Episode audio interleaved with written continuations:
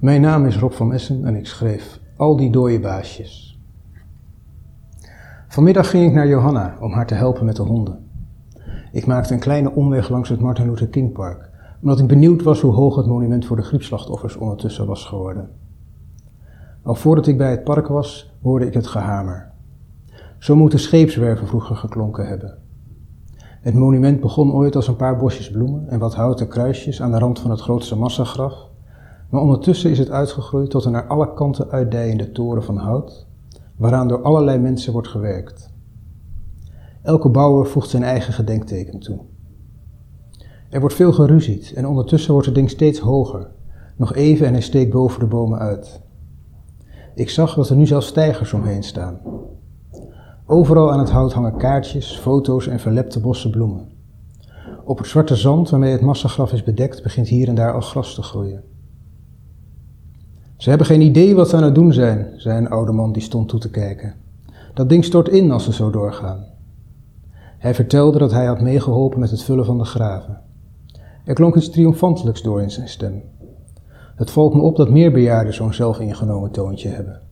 Ze gedragen zich alsof het een persoonlijke verdienste is dat ze immuun bleken voor de griep.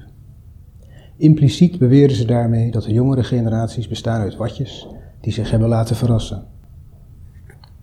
Veel mensen zijn er nog steeds heilig van overtuigd dat de epidemie moedwillig in gang is gezet om de wereldbevolking te decimeren.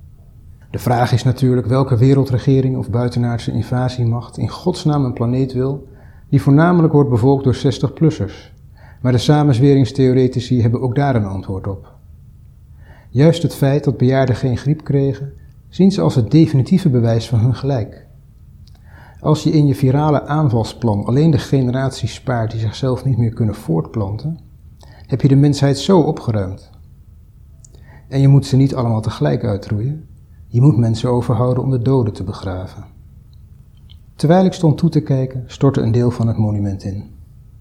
Ik zei het toch, zei de bejaarde man naast me. Ze doen maar wat. Ze hebben geen plan. Niemand leek zich er veel van aan te trekken. Iemand die beklemd was geraakt, werd kermend weggedragen. Er werden ook wat lichamen weggesleept waarin geen leven meer leek te zitten. En daarna ging het gehamer weer verder. Het was allemaal volstrekt zinloos, maar het geluid van al die hamers klonk opgewekt, alsof er aan iets werd gebouwd dat nodig was om ons verder te helpen. De bejaarde man keek me aan en vroeg: Hoe heb jij het overleefd? Je kunt met niemand meer aan de praat raken zonder dat op een gegeven moment deze vraag langskomt. Ik stel hem zelf ook regelmatig, moet ik toegeven. Eigenlijk is het enig juiste antwoord voor mensen onder de 60. Blijkbaar verkeerde ik in redelijke conditie en verder zal ook het toeval een rol hebben gespeeld. Maar dat is niet wat ze willen horen. Ze willen specifieke informatie, die hun bij een volgende epidemie van dienst kan zijn. Citroenen, antwoord ik meestal, drie per dag. Het is nog waar ook, we deden het alle vier. Voor de kinderen met honing, alleen bij mij werkte het. Ah, citroenen, herhalen ze dan, en je ziet ze bedachtzaam knikken.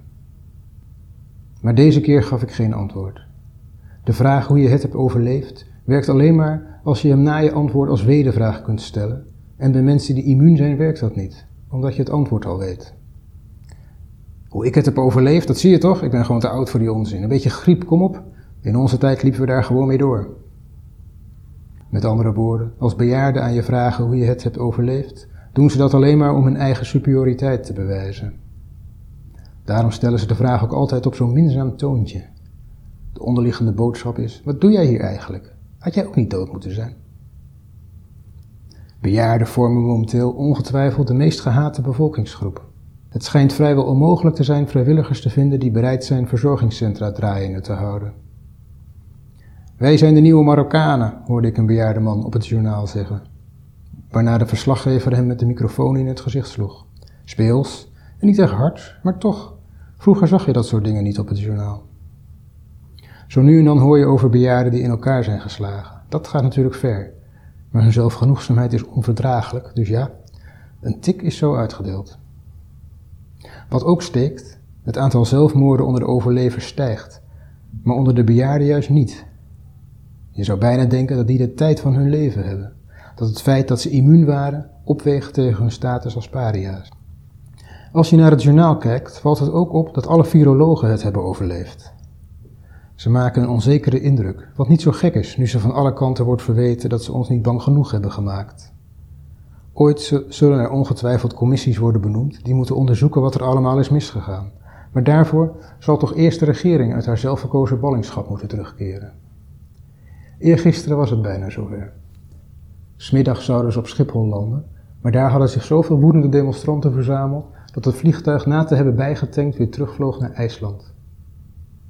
Het was misschien ook wat naïef van ze om hun terugkeer aan te kondigen. Wat hadden ze verwacht? Bloemen? Een muziekkorps? Ik zie al voor me hoe de komende weken het regeringsvliegtuig elke dag weer een poging zal doen op Schiphol te landen en telkens weer wordt teruggestuurd. Het zou een mooie running gag worden, iets om elke avond het journaal mee te openen. Ik verliet het park. Met het gehamer van de monumententimmeraars nog in mijn hoofd liep ik naar de Uiterwaardestraat, waar Johanna's huisdierenopvang is gevestigd. Ze krijgt steeds meer filialen die net als haar eigen praktijk zijn gevestigd in voormalige kinderdagverblijven. Daarvan zijn er nu toch niet zoveel meer nodig. Elk filiaal biedt onderdak aan honden die rondzwerven of in verlaten appartementen worden aangetroffen. Mensen die door de gebeurtenissen alleenstaand zijn geworden en om een huisdier verlegen zitten, kunnen er gratis eentje komen uitzoeken. Verleden week vroeg ik Johanna of ze niet bang was dat er misbruik van haar werk wordt gemaakt, omdat ze mensen die van hun hond af willen een eenvoudige oplossing biedt. Ze hoeven het beest alleen maar op straat te zetten, de medewerkers van Johanna doen de rest.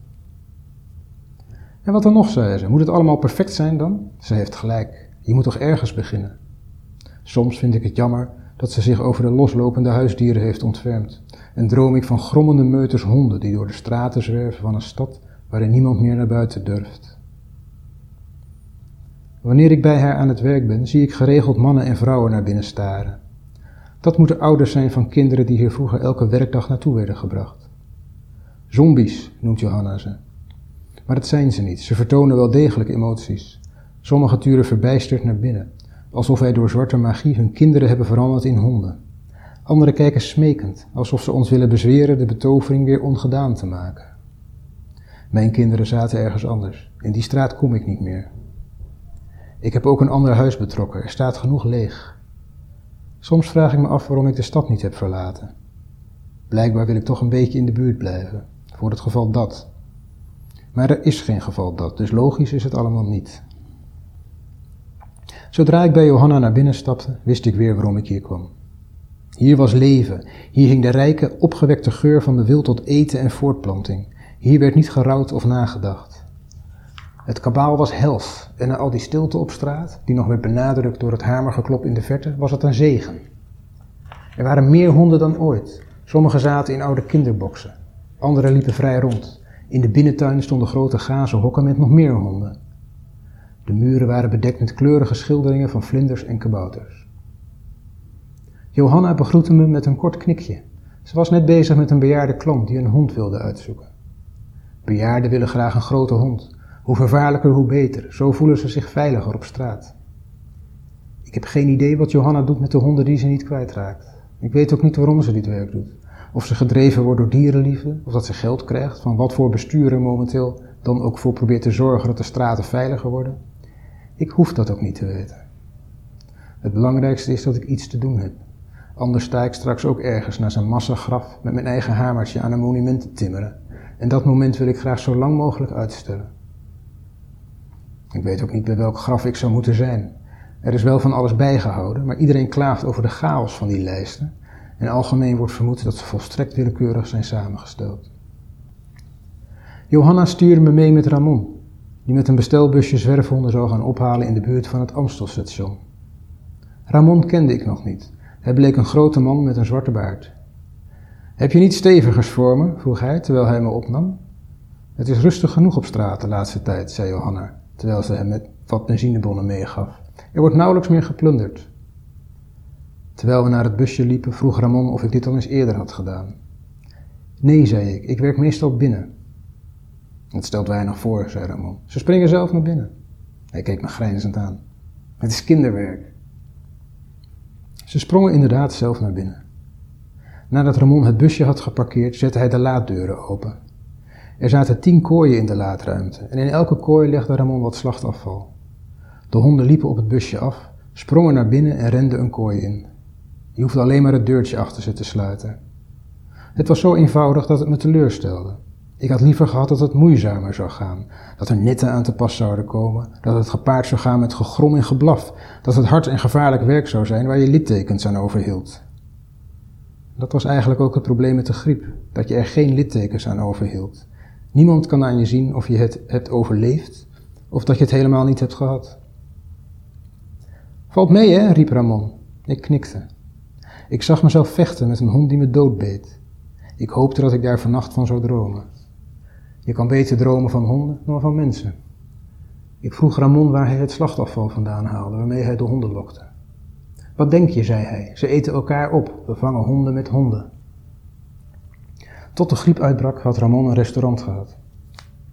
Tot er niemand meer buiten de deur ging eten, zei hij. Hij had nog een tijdje maaltijden aan huis bezorgd, maar elke bezorger die hij aannam was ziek geworden.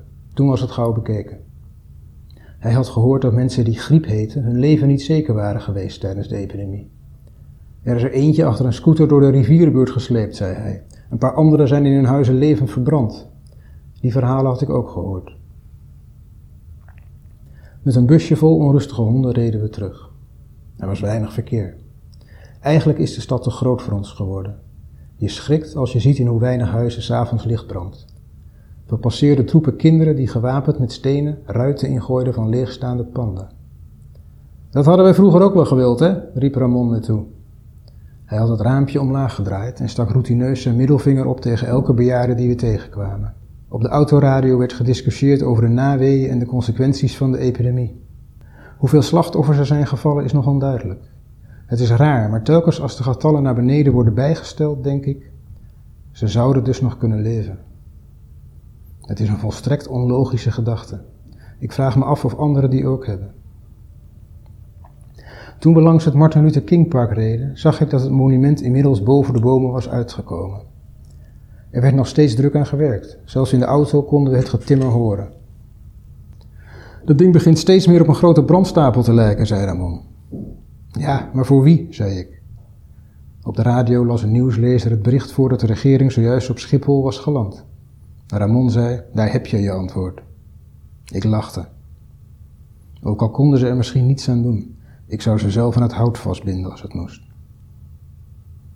Ramon deed de radio uit. Wat denk je, vroeg hij. Wordt er nu meer of minder geneukt dan vroeger? Niet in absolute aantallen, maar naar verhouding. Ik haalde mijn schouders op. Door mij minder, maar voor het gemiddelde zou dat niet veel uitmaken. Ik denk meer, zei Ramon, maar dan zonder uitgebreid voorspel. Hij keek me spottend aan. Is er toch nog iets goeds uit voortgekomen, hè? riep hij. Of hou je van uitgebreid voorspel? Hij begon hard en schamper te lachen. In de laadruimte achter ons begonnen de honden te janken. Ramon gaf een klap op de wand die de cabine van de laadruimte scheidde. Jullie baasjes zijn dood, riep hij. De honden bleven janken. Dit was een van de zeven verhalen die geschreven zijn voor de eerste editie van online tijdschrift voor Grounded SF 2374, een publicatie van Lebowski Publishers. Lees alle verhalen via magazine2374.com.